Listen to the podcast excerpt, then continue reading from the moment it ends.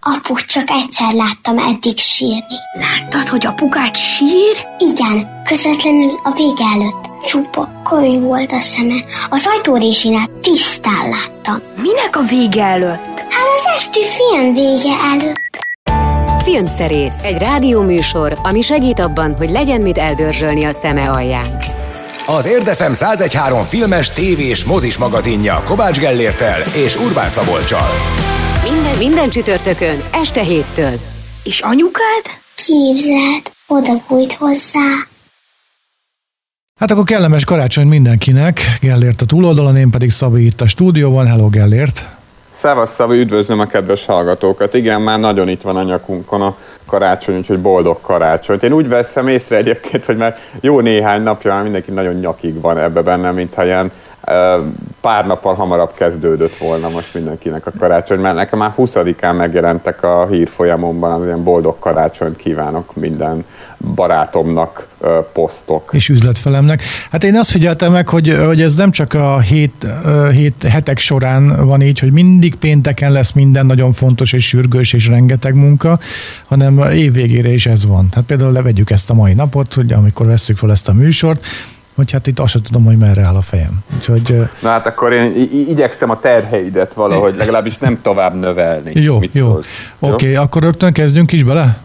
Ja, ja, ja, nyomjuk. Filmszerész a mai epizód tartalmából. Jön egy igazán szívet tépő film, egy haldokló apáról, aki szülőket keres kisfiának. Ez lesz az Örökbeadás című uh, ír, brit, olasz mozi, mert hogy a rendezője egyébként olasz, de Írországban játszódik a film. Aztán persze a hét legnagyobb ilyen blockbuster eseménye, az a Matrix feltámadások, a Matrix film folyam negyedik része, melyben Neo visszatér, és aztán van még egy blockbusterünk, ez elég szokatlan egyébként, amikor egyszerre indulnak ilyen nagy bevétellel kecsegtető, vagy hát nagy bevétel miatt készült franchise filmek. A Kingsman a Kezdetek című mozival is találkozhatunk a multiplexekben, amelynek most a főszereplője, mert hogy ennek a ilyen szuper elegáns, világ megmentő ügynökségnek a múltját bemutató filmben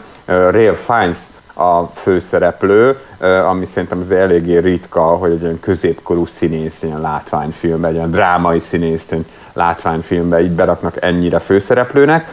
És még mindig nem ez vége az érdekes filmeknek, mert hogy ez egy ilyen hét, az Én vagyok a te embered című film lesz az utolsó mozifilm, amivel majd foglalkozunk. Ugye most került nyilvánosság elé az Oscar Short List, ami azt jelenti, hogy néhány kategóriában megjelentetett az Amerikai Filmakadémia egy, egy-egy bővített listát, többek között a legjobb nemzetközi film kategóriájában is, és hát a magyar film a Postmortem hát szerintem egyáltalán nem meglepetésre nincs ott, viszont ott van többek között az Én vagyok a te embered című mozi is, ami ilyen robotos, romantikus film maradjunk egyelőre ennyibe ezzel kapcsolatban. Aztán majd a végén pedig eláruljuk, hogy a szilveszteri adás milyen lesz, hogy mivel készülünk a jövő héten, mert hogy még ebben az évben lesz egy filmszerész. Ami pedig a zenéket illeti, hát a Matrix feltámadásokhoz kapcsolódunk egészen konkrétan, mert hogy annak a filmzenéjét uh, hallgatjuk. Ezt egy bizonyos Johnny Klimek és egy bizonyos Tom Tickwer rendezte, nem a filmet, elnézést, nem is rendezték, hanem írták a, a, a zenét. Ö, ö, valószínűleg azért is kavarodtam most ebbe bele, mert Tom Tickwer egyébként főállású filmrendező, például a Lé meg a Lolát is ő készítette, meg a Parfümöt, meg még jó néhány másik filmet, de most itt zeneszerzőként is munkálkodott, úgyhogy a Matrix feltámadások szkórja szól a dumák között. Először is az opening, vagyis a, a nyitány szólal meg a filmből, ami azt jelenti teljesen logikusan, hogy ezzel indul a Matrix feltámadások. Filmszerész, a hét filmje. Kezdjük egy habkönnyű filmmel, az Örökbeadás címet viseli. Már a bundás kenyérben nagyjából felvázoltad, hogy miről szól, akkor tedd meg ezt most is. Igen, hát az történt, hogy ezen a héten ugye van két szuper látványos hollywoodi produkciónk is, aztán jött ez az angol-olasz-román dráma, az örökbeadás, és szépen elstandolta a hét filmje címet, mert hogy valóban egy egészen kiemelkedő filmről van szó. A Velencei Filmfesztiválon mutatkozott be ősszel. Azért koprodukciós, bár az Egyesült Királyságban játszódik, meg Írországban is, mert a rendezője is, meg hát az írója is olasz. Uberto Pasolini, aki egyébként hát Nagy-Britanniában is ismert, például az Alul Semmi kapcsán is hát Oscar jelölést kapott, mert abban a filmben is dolgozott.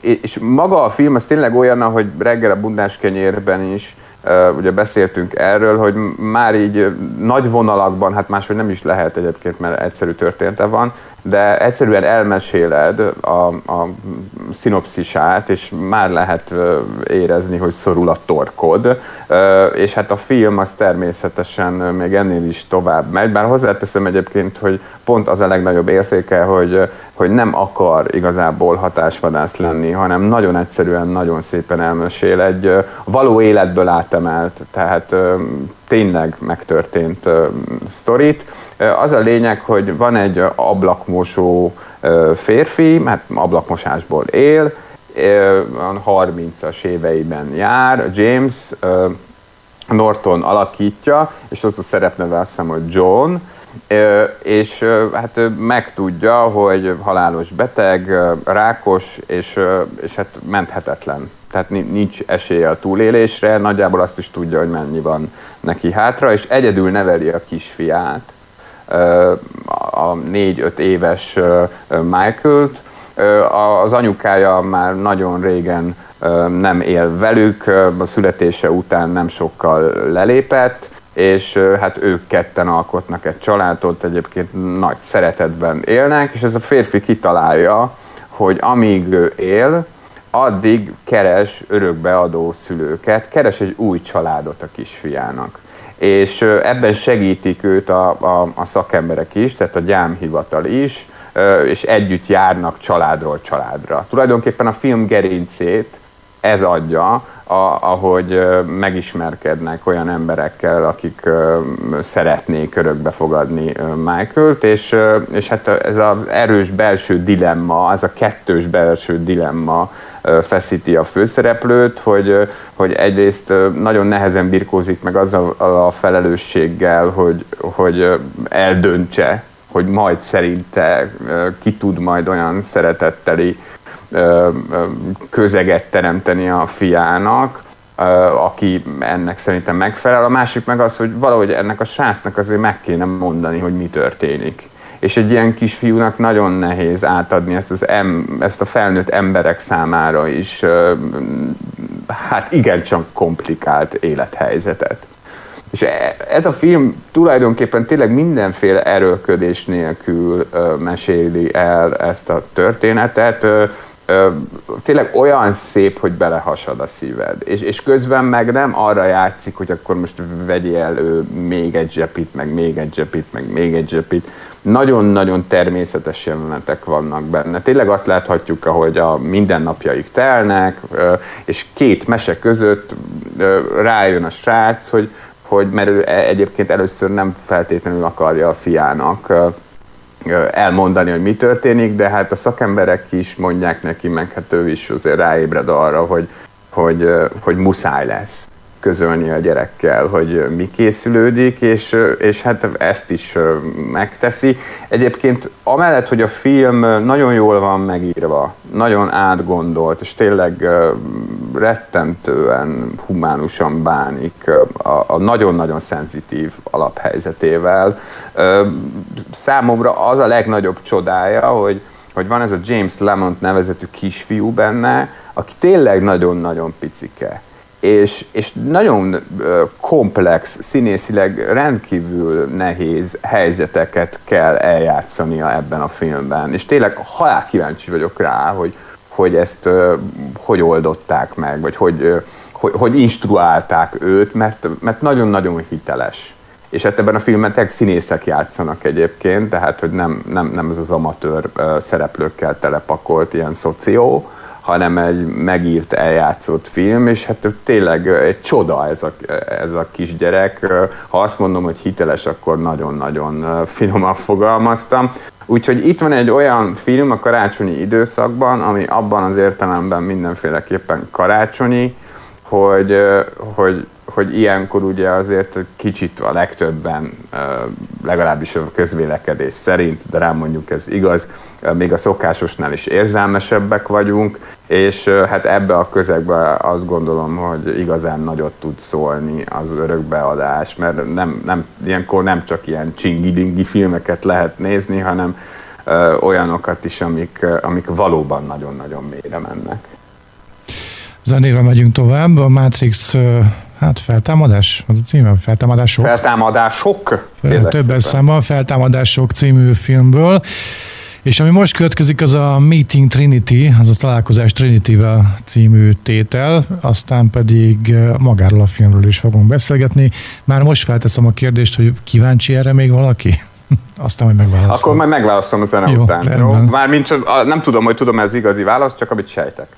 Filmszerész, premier. 20 két évvel az első Matrix film után itt van a negyedik, ugye? Jól számolom? Igen, igen. Nagyon örülök, hogy kiszámoltat helyettem, hogy hány évvel a Hát 99-es, gondolom akkor most 22 éve, igen, körülbelül. Hát igen, igen, igen. Hát és ugye ez valahol egy meglepő projekt is volt, mert a, a Wachowski testvérek, akik közül ezt a filmet egyébként csak egyikőjük jegyzi, Lana Wachowski, szóval ők hangsúlyozták, hogy nem lesz több Matrix, azt hirtelen mégiscsak bejelentették, hogy lesz egy film, és Hát ugye a, úgy hagytuk abba az előző beszélgetést, vagy hát úgy mentünk el zenére, hogy megkérdezted, hogy szerintem, vagy lehet, hogy kicsit ilyen költői kérdés. Hát így bele a világba, bele a világba, Igen. hogy érdekel ez még valakit, mert, és akkor kifejtem, hogy honnan jön a kérdés, hogy annak idején egy olyan, olyan érdeklődési táptalajra, van ilyen képzavar, van, meg kimondtam, hullott ez a Matrix című film, ami nagyot szólt, nagyot durrant, az első rész mindenképpen, és azt gondolta volna az ember, hogy ez örök életű lesz ez az érzés ezzel a filmmel kapcsolatban, és ez egy olyan furcsa film, mint ahogy tudok ellenpéldát is mondani, mint például a remény rabjai, hogy, hogy az időtálló lett. Nekem a Matrix az, az egy ilyen jó van, már is legyintek rajta, mert nem, nem érdekel annyira. Tehát nem tudom ezt, nem, nem tudom még egyszer megnézni, mert, mert hogy nem érdekel. Érdektelenné vált a húsz év alatt nekem. Hát nagyon-nagyon hosszú hogy, hogy mondjam, nagyon-nagyon hosszú lenne arról beszélni, hogy, hogy a Matrix mit adott a filmkultúrának, mert egyébként nagyon-nagyon sokat adott. Nagyon váratlan volt ez a film. Csak azért nem kapott ez a téma most két megszólalást ebben az adásban, mert sok a bemutató, és hát azért is, mert egyébként a Matrix 4 talán azt, hogy hosszan beszéljünk róla, annyira nem is érdemli meg de a, a Matrix az valóban az, az egyik utolsó olyan hollywoodi film volt, amivel kapcsolatban nem nagyon tudhatták a gyártók, a Warner sem, hogy hogyan fog majd rá reagálni a közönség, mert az akciójelenetekben is olyan dolgokat használtak, olyan filmtechnikai megoldásokat, meg az egésznek a hangulata, ez a, ez a cyberpunkos ilyen uh, a legkülönbözőbb vallásokból összegyúrt háttérinformációkkal telepakolt, ugyanakkor tényleg nagyon-nagyon high-tech dolog. Ez, ez nagyon elkapta az embereket. Én egyébként már a második részt, meg a harmadik részt sem szerettem nagyon, ilyen bullshit áradatnak éltem meg, és hát ezt a negyediket meg meglehetősen szkeptikusan fogadtam, vagy hát vártam. A, a fogadásról meg annyit, hogy a, azt el kell ismernem, hogy a Matrix feltámadások egy nagyon érdekes film lett, mert hogy azt találta ki a Lana Wachowski, hogy pontosan arra fognak reflektálni az egész filmmel, amiről beszéltünk az előbb. Uh-huh. hogy, hogy milyen ennek a filmnek a kultusza. Kitaláltak egy dramaturgiai trükköt, amit persze nem árulok el, aminek köszönhetően tulajdonképpen egyfolytában a nézőhöz beszélnek a, a filmben, tehát áttörik ezt a negyedik falat, már ha Matrixnál beszélhettünk erről bármikor is, hogy ez a fal létezik, de tele van kiszólásokkal, nagyon-nagyon konkrét kiszólásokkal. E, egy bizonyos dolog miatt például az is elhangzik a filmben, hogy a gazdánk, a Warner azt akarta, hogy legyen Matrix 4. Tehát hogy, tehát, hogy ilyen szinten uh, beszélnek magukról, a, a már-már ilyen vallásos uh, őrületről, ami a, a Matrixot uh, körülvette, és bizonyos szempontból körülveszi a, a mai napig is, és, és tényleg ezeket a meta dolgokat még belecsomagolják még három-négy ilyen meta alufóliába, és, és nekem az volt az érzésem, hogy igazából ők előre menekülnek ezzel, tehát azzal, hogy így kiszólnak neked, hogy figyelj, mi azért egy kicsit így hülyének nézzünk téged, az, amit ha azt szeretnék elérni, hogy, hogy, hogy ez a szándék, ez megsemmisüljön. Mármint, hogy legyen értelme ennek a negyedik résznek. Csak én valahogy azt gondolom, hogy a magyarázkodás az mindenhogyan magyarázkodás. Ez így van. És ö, a, a, akkor is, hogyha valaki tisztában van azzal, hogy csak a pénzért csinálta meg ezt a filmet. Egyébként maga a hangulata érdekes ötvözete a, az első résznek, meg a másodiknak, meg a harmadiknak, tehát próbáltak egy ilyen előrehaladott vagy kitágított univerzumot is létrehozni, de a lényeg az mégiscsak a nosztalgia, hogy megint itt van Neo, és megint itt van Trinity, és tulajdonképpen az ő kapcsolatukról, meg hát a, a Matrix filmnek a nézőkkel való kapcsolatáról szól ez a film 148 percen keresztül, én mondom, én érdeklődéssel néztem az egészet, mert azt nem lehet rámondani, hogy, hogy ne dolgoztak volna vele. Tehát nem, nem csak úgy oda van ö, rakva, és akkor jó van, örüljetek neki. Ö, én, én nagy közönséggel néztem IMAX teremben, és ö, ö, alapvetően a vetítésnek a klímája az, az nagyon érdeklődő volt. Tehát, hogy a, a nézők kíváncsiak voltak arra, hogy mi sül ki ebből, és, és néhány reakció lehetett érezni, hogy, hogy reagálnak erre, a, a, amit látnak, de, de, de szerintem a legtöbb néző, egyébként még a nagy rajongók is leveszik, hogy ez, ez lehet, hogy egy, egy szellemesen becsomagolt, de mégiscsak egy erőteljes bluff. Ami viszont abszolút pozitívuma és, és tényleg e, ez volt az, ami miatt, jó, hát én mindenféleképpen megnézek mindent, most tök mindegy, hogy megbánom vagy nem, de ami miatt úgy éreztem, hogy érdemes volt megnézni, az az, hogy a, a, a Keanu Reeves az, az, az valami egészen elképesztően szimpatikus színész.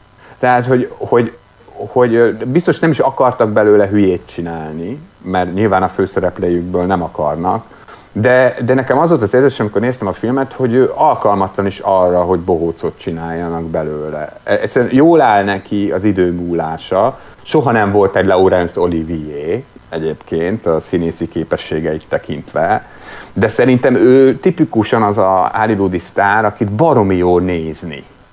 Tehát a, a, akiből sugárzik valami, még, még ennyi idő után is, amiért örülsz neki, hogy Neo szerepében újra látod.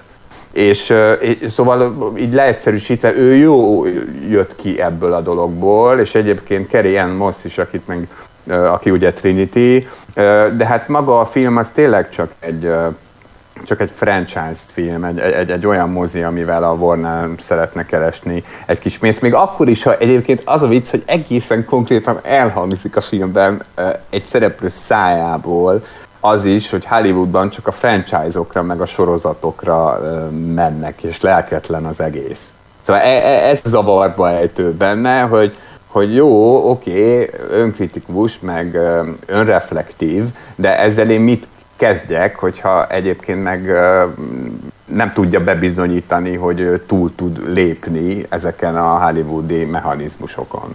Szóval ebből a szempontból zavarba ejtő film, és mint ilyen elképzelhető, hogy nem csak számomra érdekes. Jó, hát akkor az azt jelenti, hogy nem egy teljesen feleslegesen elkészített filmről van szó. Az Into the, Rain, Into the Train következik. Ez gondolom, hogy olyan jelenetnél van, amikor beszállnak a vonatba. Így van, ezen a vonaton nagyon durva dolgok történnek. Filmszerész, premier. A filmfogyasztási szokásaimban felfedeztem még egy olyan pontot, amit nem tudom, univerzumnak lehet-e hívni, szerintem már lassan igen, mert készül annyi film ebből, ami, ami teljesen érdektelen számomra. Valamiért megnéztem az első részét, a Kingsmanről van szó, annak kijött most egy új epizódja, és, és így, így nem, nem követtem, nem érdekel. Még Vasember például még az első rész után megnéztem a másodikat, meg a harmadikat is, nem lettem Marvel rajongó, de a Kingsmanre aztán határozottan elmondható, hogy a teljesen kimaradt az összes többi része, és azt sem hogy az elsőben mi volt például. Jó, hát az, az biztos, hogy nem így értetted, de azért nehogy valaki félreértse, a Kingsman az nem Marvel film. Tudom, persze, nem, nem, nem, ez egyértelmű, csak akartam hozni egy másik példát, ami a, ugye Marvel, és amikor én a Vasembert megnéztem, én nem tudtam, hogy az Marvel film akar lenni, vagy hogy univerzumba akar tartozni, hanem csak a Vasember. Hát mondom, az, az érdekel. Na mindegy, és akkor utána, és volt benne egy olyan, meg a hangyában is volt egy olyan elszólás, vagy beszólás, amikor azt gondoltam, hogy, hogy ez csak valami vicc, de nem vicc, hanem ugye az univerzumba beszéltek bele, amikor igazságosztó, vagy hogy hívják azt a brigádot, azt a sok, sok embert, aki... Bosszúállók. Bosszúállók. És akkor így volt egy olyan rész a hangyában, amit szintén kedvelek, és nem nem voltam tisztában vele, hogy az is egy Marvel akármi. Mikor a film első elején így elhangzik, így mondja a, a Paul, Paul Rudd, a Michael Douglasnek, hogy, hogy hát szóljunk a bosszúállóknak. És azt hittem, hogy ez csak viccből mondja, hogy kikacsint a való világba a filmből, de hát nem, hanem a saját világába kacsintott be, hogy szóljunk a bosszúállóknak. Na mindegy, szóval ezt akartam mondani, hogy vannak ilyen Szabi, filmek... Szabi és a, Szabi és a Marvel moziverzum. Igen, de hát három most, percünket hallották. De most nem erről lesz szó, hanem a Kingsmanről, ami hasonló cipőben jár nálam. Hát abban a szempontból nem csak nálad jár hasonló elegáns cipőben a Kingsman a kezdetek, hogy nagyon sok köze van a képregényekhez, meg hát tulajdonképpen itt is egy ilyen szuperhős történetről van szó, még ha egy kicsit másféle szuperhősök is a Kingsmannek a tagjai. Ez tulajdonképpen egy egy brit központú képzeletbeli ügynökség, akik ilyen nagyon menő, nagyon elegáns úriemberekből állnak, és ők ilyen árnyék szervezetként a politika és mindenek más felett próbálják meg megmenteni a világot teljesen függetlenül, és a Kingsman első két része, ugye az volt az a film, amiben Colin Firth egy templomban rengeteg zombival küzdött az első részben, vagy ilyen zombiszerű emberekkel, ami nagyon emlékezetes jelenet volt, szerintem ilyen filmtörténeti szinten is. Szóval az első két rész az kvázi a jelenről szólt, és most csináltak hozzá egy előzményfilmet, melynek a magyar címe az is, hogy Kingsman a kezdetek, és hát ebből sejthető, hogy ez arról szól, hogy hogyan is alakult meg ez a szervezet, és az abszolút pozitívum, hogy azért nem nagyon szoktak olyanokat csinálni mostanában, hogy egy középkorú drámai színészre rábíznak tulajdonképpen, rárakják a vállára az aktuális látványfilmet, és itt erről beszélünk, mert hogy a film abszolút főszereplője Real Fiennes, aminek én nagyon-nagyon örülök, és, és hát természetesen ő ezt tök szuperül megoldja. Ami probléma szerintem a Kingsman a kezdetekkel, hogy, hogy, hogy ez tipikusan az a franchise film szerintem, ami nagyon érződik, hogy magának a fővezérnek sem volt feltétlenül túl sok kedve hozzá, őt Matthew Wong-nak hívják, és bár azért ki van találva ez a dolog, tehát van egy koncepciója, ami tulajdonképpen még érdekes is lehet, meg bizonyos pontjain az is, az az, hogy egy ilyen a, a, a valósághoz abszolút, hát nem tudom én, szóval úgy csinálták meg a történetet, hogy az első világháború kitörésének a sztoriát mesélik el, csak adnak neki egy ilyen alternatív háttértörténetet, hogy kik is voltak azok, akik miatt kitört az első világháború és hogy az éppen alakuló Kingsman hogy próbálta meg megakadályozni, meg aztán hogyan tanulta a, a hibáikból. Itt találkozhatunk ebben a filmben abszolút valós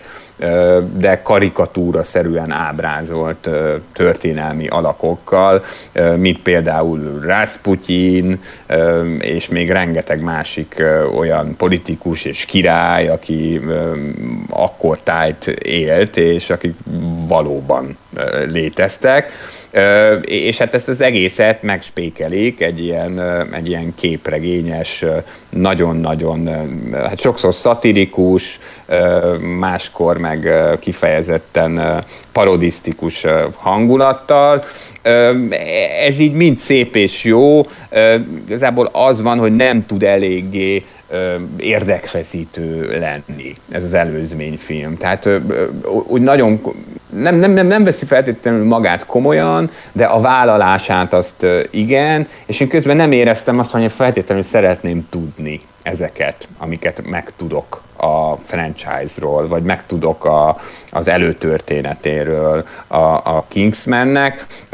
Az a fajta ilyen nagyon, nagyon szellemes és és vicces meta elegancia, hogy ebben az adásban még egyszer használjam ezt a kifejezést, ami a Kingsman előző részeire jellemző volt, az is itt egy kicsit ilyen musz dolog. Tehát hogy azok, amik ott olyan klasszak voltak, itt inkább ilyen kipipálandó, kötelező körök. Hát a Fox már nagyon régen be akarta mutatni ezt a filmet, hogy a pandémia miatt többször elhalasztották, és szerintem azért is engedték most rá erre a szezonra, hiába csinál hatalmas bevételt, tehát döntöget rekordokat a Pókember film, meg nyilván a Matrix is azért egy komoly rivális. Szóval azért is engedték rá a piacra, mert már valószínűleg úgy voltak vele, hogy most már minden mutassuk be, mert már olyan régen be akarjuk mutatni. Szóval aki nagyon szereti a Kingsman filmeket, azt azért nagyon-nagyon nagyot nem fog csalódni, de inkább csak valamilyen csemegeként érdemes szerintem ehhez a filmhez viszonyulni, mint hogy sem egy érvényes folytatáshoz, vagy hát előzmény kötőjel folytatáshoz. Ami most következik, az a Matrix feltámadások címből, film, című filmből egy újabb tétel, Neo and Trinity, Trinity Theme, Team, az ő témájuk következik. Johnny Klimek és Tom Tickwer Exomorph remixében. Hát ezt szépen elnyögdöstem, de elég hosszan írják ezt a dolgot itt a címben. Hát igen, most jelent meg ugye a soundtrack lemez, és akkor azon rajta van a, teljes score, amit ez a két úriember írt, és akkor ahhoz vannak ilyen bónusz trackek is, hogy ilyen remixeket is készítettek a különböző zenei témákból, és ez az egyik ilyen.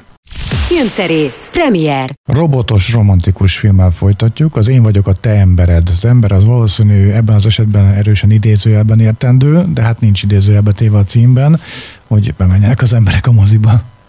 Hát bele tapicskoltál a közepébe egyébként, mert az én vagyok a te embered, ami egyébként ö, ö, eredeti ö, német nyelven is így hangzik, mármint hogy ez a címe eredetileg is, ez egy regényből készült film. Az itt hát persze először úgy tűnik, mintha egy robotra vonatkozna, de ö, közel sem biztos, hogy így van. Lehet, hogy éppen az ember főszereplőre vonatkozik, hogy Aha. ő gondolja ezt, vagy ő mondja ezt a, a, a robotnak, hogy én a te embered vagyok, én vagyok a te embered.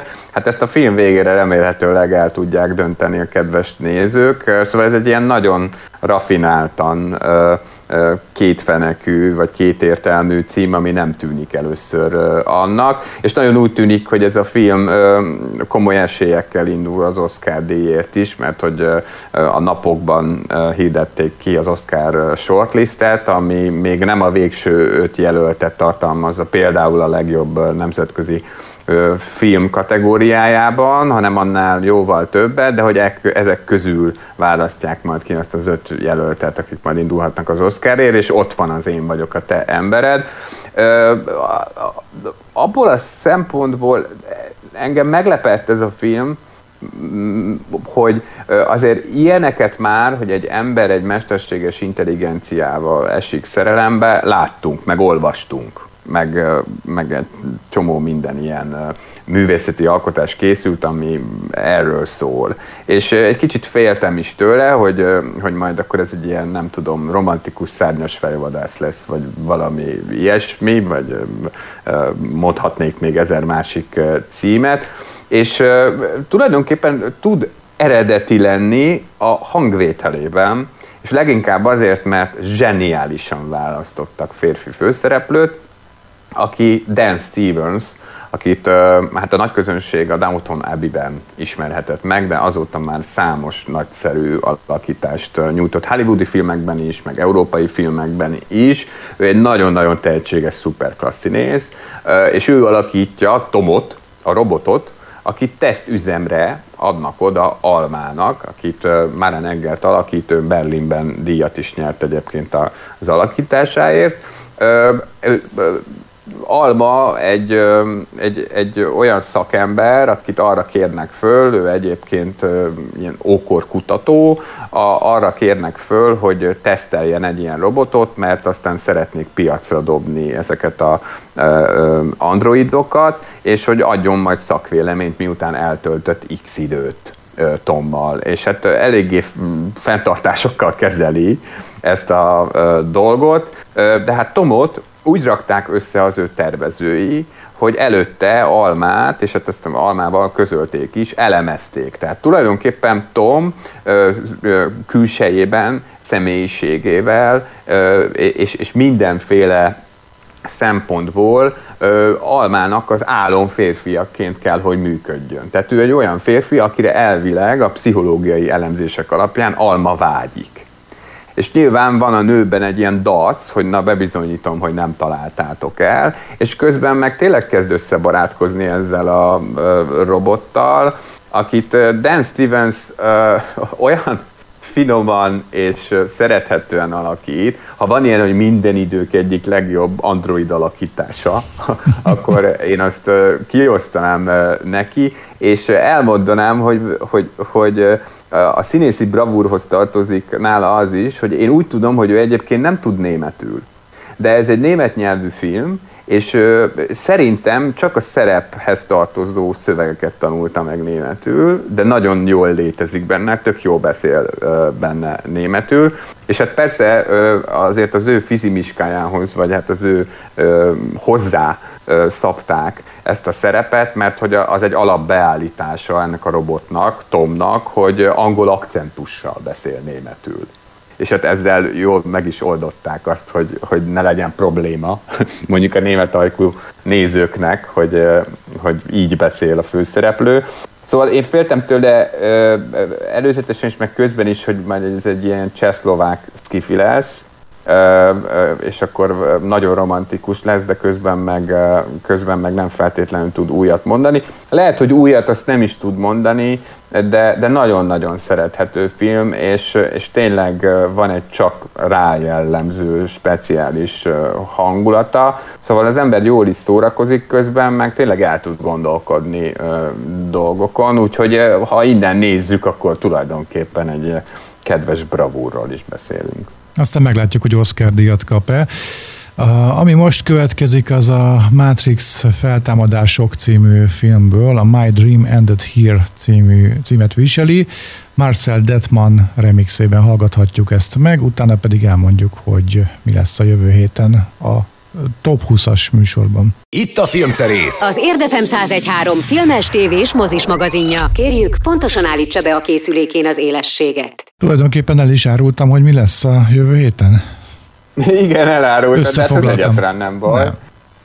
Mert ugye a zene előtt a, a Szabi azt mondta, hogy a, aztán majd a következő megszólalásban eláruljuk, hogy mi lesz a következő adásban, ami top 20-as adás lesz. És igen, valóban egy top 20-as adás lesz, ugye az év utolsó filmszerésze, és ha, ha én ezt jól mondom, de javíts ki, ez hagyományosan ilyen top listás adás. Általában igen, bele szoktunk menekülni ebbe a top listázásba, ami nem rossz. De figyelj, szeretik a hallgatók. Én meg is szeretem. Az, az, az, az olvasók is szeretik, Én annyira nem szeretek top listázni, de hát természetesen ez egy közszolgálati adás, meg hát mindent a nézők kedvér, meg hát hogy mondjam, azért nem volt ez olyan rettenetes, hogy össze kellett állítani a kedvenc filmjeimet. Egyébként 30 címet pakoltam össze, de ebbe az adásba 20 fér majd bele, aztán majd a teljes listát majd kirakjuk Facebookra, és majd a, a, a 20. helytől indulunk visszafelé. Azt így előre bocsátanám, de ezt majd a jövő heti adásban is elmondom, hogy, hogy igazán sorrendiség az nálam mondjuk a, a, az első tízben van. Tehát ott szoktam úgy komolyabban gondolkodni azon, hogy mi az, amit az első tízbe berakjak. Onnantól kezdve tulajdonképpen meg mindegyik a tizenegyedik. mert ott már tényleg olyan filmek vannak, amiket így egyformán szerettem. Persze ezek nagyon különböző filmek is, és nem tettem különbséget ebben az évben a streamingen bemutatott filmek és moziban láthatóak között, hiszen hát 2021-ben ez hülyeség is lenne, meg egy-két olyan film van, amit nem láttam az idei bemutatók közül, mert nem láthattam még, akkor, amikor ezt a listát összeállítottam, ezeket majd megemlítjük, de, de egyébként azt gondolom, hogy ahhoz képest, hogy milyen fura év volt 2021 a, a tartalomfogyasztási szokások tekintetében is, azért különösebb erőfeszítésemben nem került összeszedni 20-30 filmet, ami nagyon tetszett, úgyhogy azt szerintem egy jó filmes év. Az jó. Ahol, az jó. ahol nem, nem kellett csak azért beraknom címeket, hogy, hogy meglegyen a szám, mármint hogy teljes legyen a, a, a lista, úgyhogy ez szerintem tök klassz, úgyhogy ezzel foglalkozunk majd a jövő hét.